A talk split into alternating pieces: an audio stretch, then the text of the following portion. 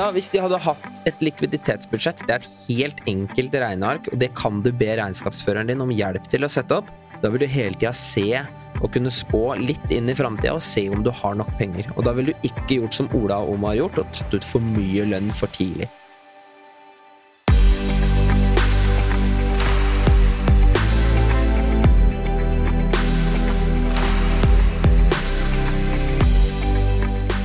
Du lytter på Impactpodden, en podkast om gründere og sosialt entreprenørskap. Podkasten presenteres av Ferd sosiale entreprenører, og jeg er Katinka Greve Leiner. Vi er tilbake med episode ni av Impactpoddens andre sesong. I forrige episode så dykket vi ned i hvorfor og hvordan du og selskapet ditt skal måle på sosiale resultater. Og i dag så skal vi gå litt sånn til den andre siden, to the dark side, folkens. Vi skal snakke om økonomisk styring. Og jeg har med meg gründerne av Medarbeiderne og Virevap. Begge er i dag forretningsutviklere i Impact Startup. Det er Ferds akselerator for ferske sosiale entreprenører. Chris Klemetvold Sandvik og Lise Arvesen, takk for at dere er med i nok en episode. Tusen takk. Chris, du er jo en sosial entreprenør som har vist over lang tid at du har stålkontroll på økonomisk styring. Så hva er hemmeligheten? Jeg vil ikke si jeg har hatt stålkontroll hele veien. Jeg har lært mye underveis. Eh, og jeg lærte veldig mye da vi la ned drifta av Panterne i Trondheim.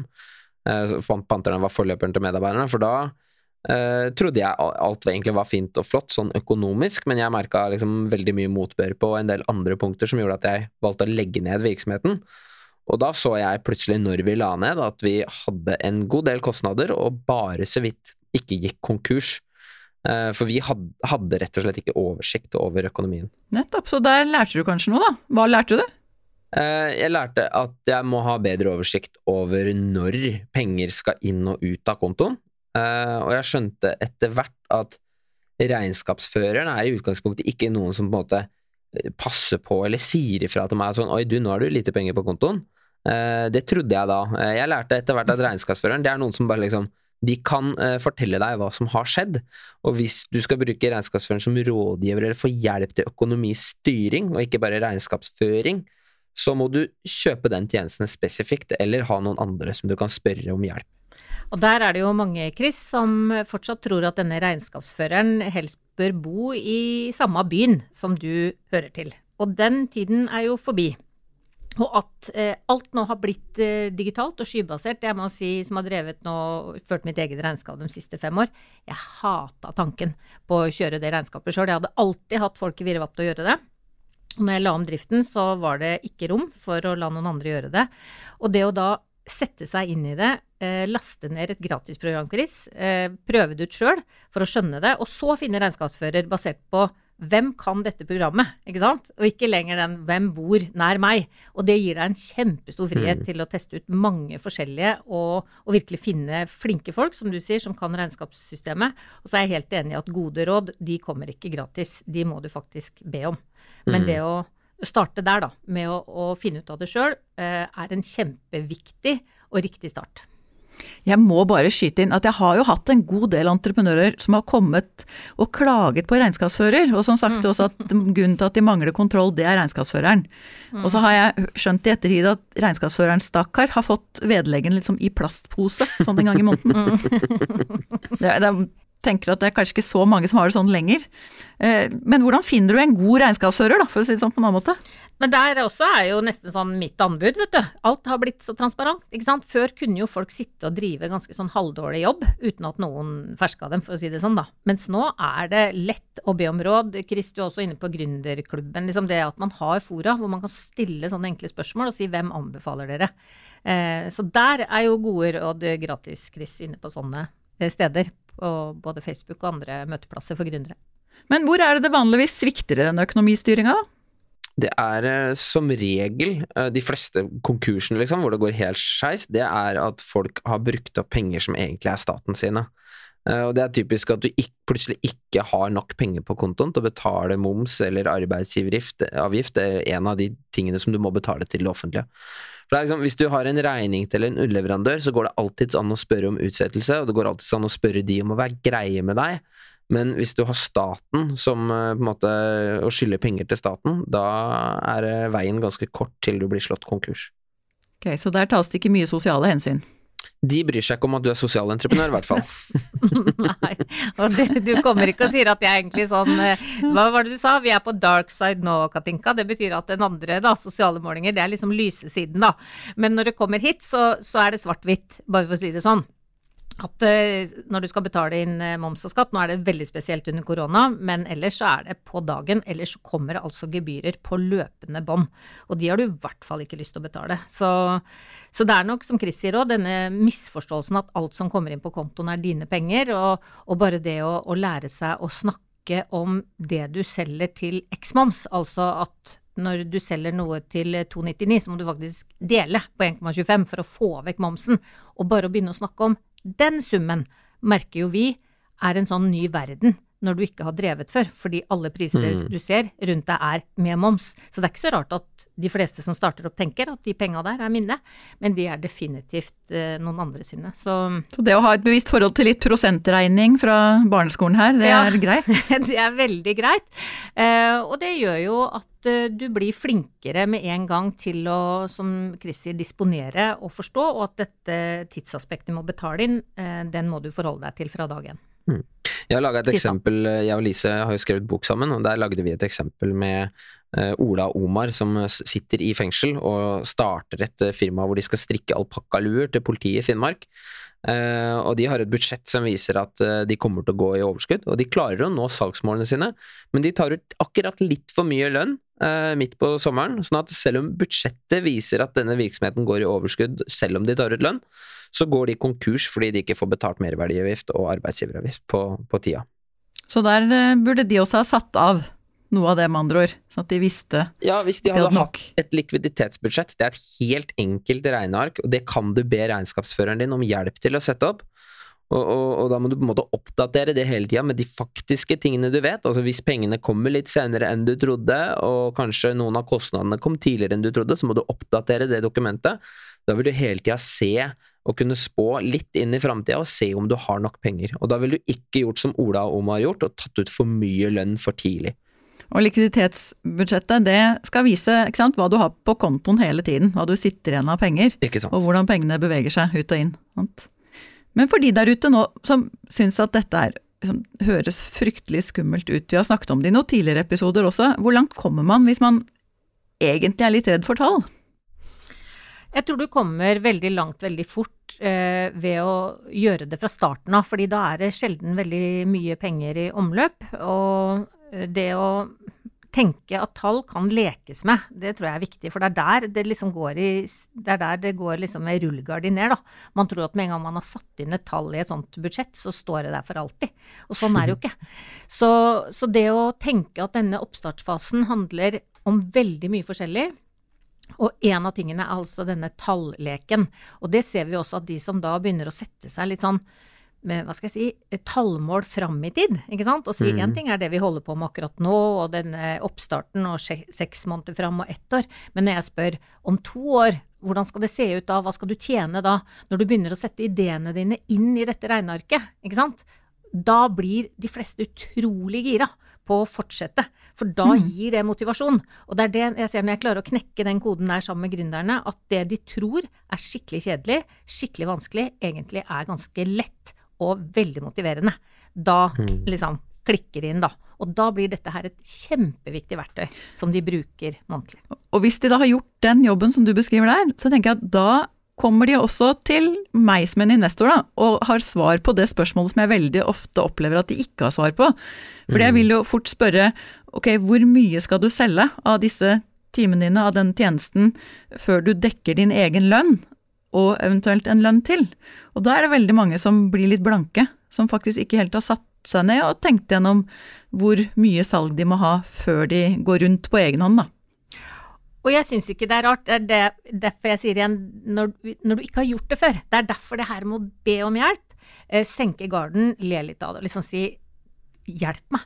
Det viktigste du gjør i denne fasen er egentlig det. Be om hjelp, finn ut av det. Eh, ha en sånn leken tilnærming til det. Så kommer det til å gå bra. Mm. Men er det regnskapsføreren jeg da kan spørre om sånn hjelp? Du kan spørre regnskapsføreren om det, eller så kan du spørre en venn som er god i Excel og kan de greiene her, eller, eller kanskje du har en kollega i teamet ditt fordi du vet du selv er svak på økonomi. Så, så er jeg opptatt av at liksom eh, det er, Jeg trodde på en måte i starten at regnskapsføreren hadde kontroll på alt det her for meg, eh, men sånn er det ikke. Så du må, du må sjekke av dette med regnskapsføreren. Hva er det du skal gjøre, hva er det jeg skal gjøre? Eh, og jeg er opptatt av at du skal spørre regnskapsføreren f.eks. om å lukke regnskapet hver måned, sånn at du vet hele tida hvordan det går, og ikke at man liksom skal samle opp ting og så prøve i januar-februar når man må lage årsregnskap, og prøve da å finne ut hva har egentlig skjedd i løpet av året. Eh, for da kan det hende at det viser seg at, eh, at det er lik i skapet, som man sier, at man finner ut at vi har ikke kvitteringer for ting, og eller at det er kostnader som er store som du ikke har, har tenkt på at kommer. Ja, for vi snakket jo litt om det offentlige her i sted, og litt sånn tilbake igjen til det. Um, når man starter opp, så vet man jo innimellom kanskje litt lite, da, om det du lovmessig også skal levere på i løpet av et regnskapsår. Uh, og det finnes jo noen frister der ute, og liksom, hvor tar jeg tak i dette? Nei, Altinn er jo en prima eh, plass å starte. Det, det ligger ute både, både gode kurs eh, online, og i sin tid gikk de også fysisk. I tillegg til at etablerertjenestene rundt om eh, ofte har denne type oppstartskurs i ren liksom, de første stegene hvor det å ha kontroll på økonomien også kan være en del av det. Og alt dette her kan du få gratis, og det er kjempeviktig å si. ikke sant? At ikke du kjenner her at her liksom renner penga ut før jeg har egentlig begynt å tjene og få system på det. Så bruk alt du kan av uh, energi på å finne disse gratismulighetene, for de er veldig gode, altså. Men jeg har jo opplevd det at veldig mange sosiale entreprenører er jo sosiale entreprenører nettopp fordi de brenner for det sosiale. Mm. Og at denne biten av det egentlig kan skremme litt. Mm. Bør de la seg skremme, Chris? Det er litt vanskelig for meg å svare på, for jeg syns dette tallgreiene er veldig gøy. Uh, men det er jo igjen fordi jeg har lært meg til å se mennesker og arbeidsplasser og arbeidstimer og rusfrihet i Excel-arkene. Uh, mm. Men jeg tror liksom, igjen, hvis du ikke syns det er eh, gøy med Excel, så må du alliere deg med noen som syns det er gøy. Uh, og disse fristene det er, det er, ganske enkelt å ha oversikt over med et godt regnskapsprogram, og regnskapsføreren kan også disse fristene og vet hva som skal inn til hvilken tid. Så da handler det bare om å ha kommunikasjon. Og så sier jeg alltid at tall gir brutale svar. I forrige episode, eller episoden om sosiale målinger, så kan vi si at der er det på en måte følelsen og det er mestring og det er alt det som virkelig betyr noe for deg som sosialentreprenør. Nå er vi over i dette som er brutalt ærlig. Ikke sant? Talla kan liksom ikke ljuge. Du kan ikke tolke tall liksom positivt. Eh, stort sett så er et tall et tall. Og det å lære seg det, denne todelinga som vi sier her mellom Vi kalte det dark side og light side, eller sosialt og økonomi. Det er når dette blir kobla sammen. Det er da jeg sier da har du teften din på den ene siden, som er den sosiale biten, og så får du tallene som bygger opp under teften din. Altså du blir helt uslåelig som gründer når du klarer begge to på en gang, og det ene spiller det andre opp og bra. Det er min teori. Jeg blir sittende og reflektere litt, og det er ganske spennende å tenke seg inn det er jo ikke så rart av og til at en sosial entreprenør kan Det kan være litt krevende også i dialogen med det offentlige, fordi du er nødt til å forholde deg til denne kall det økonomien i bunn, som man ofte ikke trenger å forholde seg så mye til når man sitter på offentlig side og jobber med noen av de samme sosiale utfordringene. Mm. Eh, så jeg tenker at Det skal man også være litt obs på, da, at, eh, at, du møter også kunder og andre der ute som, som, ikke helt vet at du må jobbe på denne måten for mm. å klare å overleve som selskap. Og vi har jo også vært inne på det her med å bygge team, ikke sant. Hvor utrolig viktig det er, mener jeg, at man fordeler ansvar i teamet. Sånn som vi sitter og snakker her, at den økonomiske biten er det en som tar ansvar for. Altså du aleine. Det er kjempekrevende å klare alt dette profesjonelt på et høyt nivå fort. Liksom, vis meg mm. det mennesket. Det er for mye. Så det å bygge det teamet og fordele oppgavene, ansvaret, etter hvor man er dyktig, men også hvor man er nysgjerrig, ikke sant, så tenker jeg at da er det her Liksom, du deler for hver ansatt eller hvert teammedlem du får inn, liksom deler du ansvaret med noen, og du kan bli så mye bedre på ditt felt. Da. Så jeg slår et slag igjen for dette med å tenke team og fordele oppgaver og ansvar. Men da hører jeg vel også at du sier, Lise, at hvis du, eh, hvis du setter i gang både mange mennesker og mange ting ganske raskt, så bør du også være sikker på at du har kontrollen. Mm. Eh, For hvis ikke så kan det slå ut, for da kan det komme noen regler og ta deg her og der på, på hva du burde hatt oversikt over. Ja, og vi snakker jo hele tiden i, i samtalene våre om forskjellen på private penger, ikke sant, når eh, den som betaler er fra egen lomme, i forskjell fra offentlig sektor. Og vi har jo sett nylig eh, ganske, eh, hva skal jeg si, offentlig slakt av mennesker som har fått eh, offentlige penger som ikke har gjort, i hvert fall på papiret, det de skulle. Så kravet til å være ryddig blir jo så stort og tydelig når du er offentlige penger. Du du, hva skal jeg si, får finansiering med, da. Så, så, du vil ikke klare å overleve, mener jeg, hvis ikke du er dyktig på dette med økonomistyring fra starten av, spesielt når du har det offentlige som, som din betalende kunde. I neste episode skal vi også komme litt tilbake til nettopp det der med hvordan får du penger inn. Bare for å ha sagt det. Eh, For det er jo en del av dette økonomiske spillet, da. På én ting er det du selger, og en annen ting er når du står der og finner ut at eh, jeg burde egentlig hatt veldig mye mer penger akkurat nå. eh, Mm. Fordi jeg ønsker å gjøre et løft. Sant? Jeg ønsker å få til noe. Som jeg tenker det er også en spennende del av dette. Jeg, har lyst til å legge til jeg ser mange sosiale entreprenører som kommer med Når de kommer med de første budsjettene sine, så er de fryktelig ambisiøse på salgssida, og så er de veldig forsiktige på uh, utgiftssida. Uh, og det tror jeg kanskje mange gjør for å få regnestykket til å gå opp i utgangspunktet. Jeg ville ha tenkt litt motsatt. Det jeg har gjort hele veien, så har jeg budsjettert med litt færre inntekter enn det jeg eh, regna med å få, og så har jeg budsjettert med litt større kostnader enn det jeg regna med å få. For da er du liksom hele tida litt konservativ da, når du budsjetterer, for da, da vil du liksom Hvis noe da går galt, så har du gitt deg selv slack i forkant. Det har jeg lyst til å faktisk forsterke, for det jeg har jo opplevd å sitte i styrer hvor det går litt sånn trått da, i starten i et selskap. Og det å i styremøte etter styremøte møte en veldig optimistisk gründer som hele tiden har overbudsjettert, Mm. det kan bli ganske slitsomt på begge sider av det bordet, altså. Så det å være litt nøktern. Du vet at jeg sier, Katinka, at det er ingen som ljuger så mye som gründere. Eh, fordi Nei, men det er ikke fordi vi vil ljuge, liksom. Men det er fordi at vi er så optimistiske. Vi tror det skal skje. Men det er der Chris eh, kommer inn med en viktig sak nå. At sett deadlines, sett mål i tall.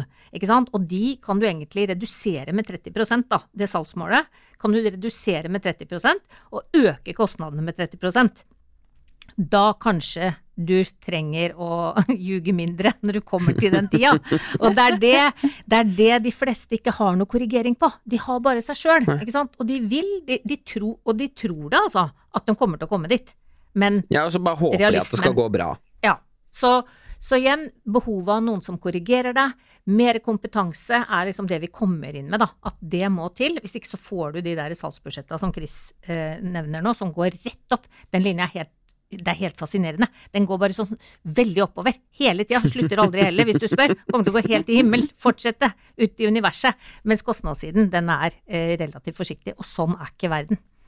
Og med en gang du da også får flere inn på lønningsrullen din, at du skal faktisk begynne å ansette, så er det ganske mange som sier til oss også at sånn, da er det litt ekstra skummelt. Da begynner du å ha ansvar for eh, lønna til flere enn deg selv.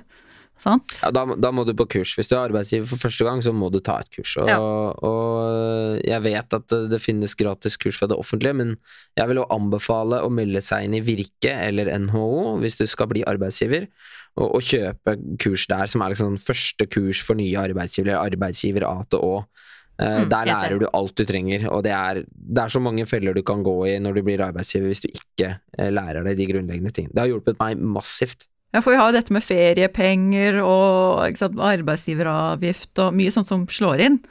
Ja, men også alle de, de, de, det ansvaret du har som personalleder også. Eh, for du får faktisk ansvar for at mennesker skal ha en inntekt eh, når du ansetter folk. Eh, og det er et stort ansvar.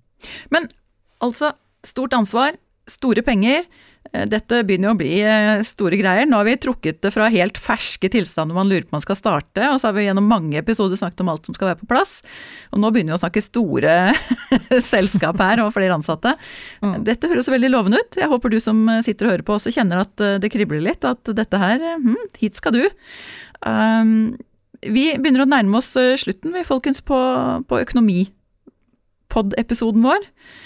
Så hvis vi skal prøve å oppsummere litt hva vi har forsøkt å si her i dag, da, så tenker jeg i hvert fall at eh, regnskapsprogram, rett og slett det der å finne noe digitaliserte verden vår med å finne noe hvor du kan skanne alle kvitteringer og liksom få orden fra første dag. Mm. Det har dere snakket rundt. Mm. Eh, Så har dere sagt mye om en god regnskapsfører, altså en person som hjelper deg, eh, og som du har en tett og god dialog med, hørte jeg også at dere sa.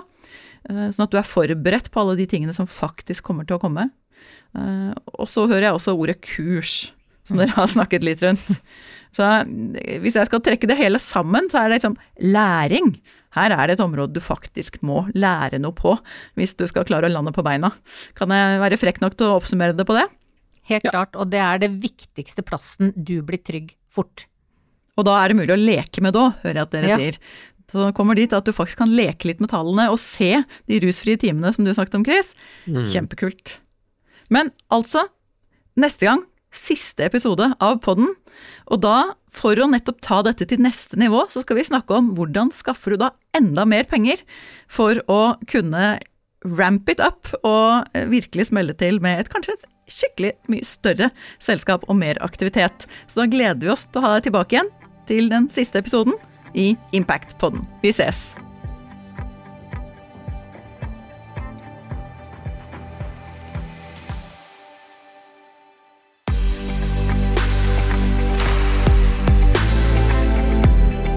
Du lytter på Impact-podden, en podkast om gründere og sosialt entreprenørskap.